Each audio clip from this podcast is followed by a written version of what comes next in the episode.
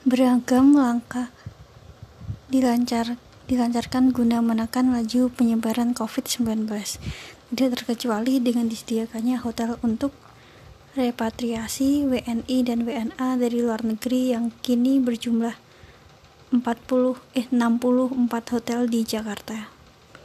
Koordinator Hotel Repatriasi sekaligus Direktur Bisnis Development dan Sales Marketing PT Hotel Sahid Jaya Internasional Tbk, Vivi Herlambang menyampaikan, ada beberapa ketentuan terkait hotel sebagai akomodasi repatriasi.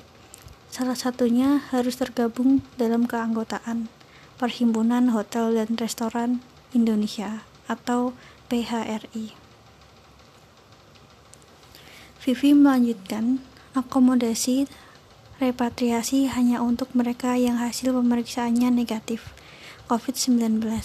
Sebelum menjalani akomodasi repatriasi, hotel juga harus melewati serangkaian tahap pemeriksaan.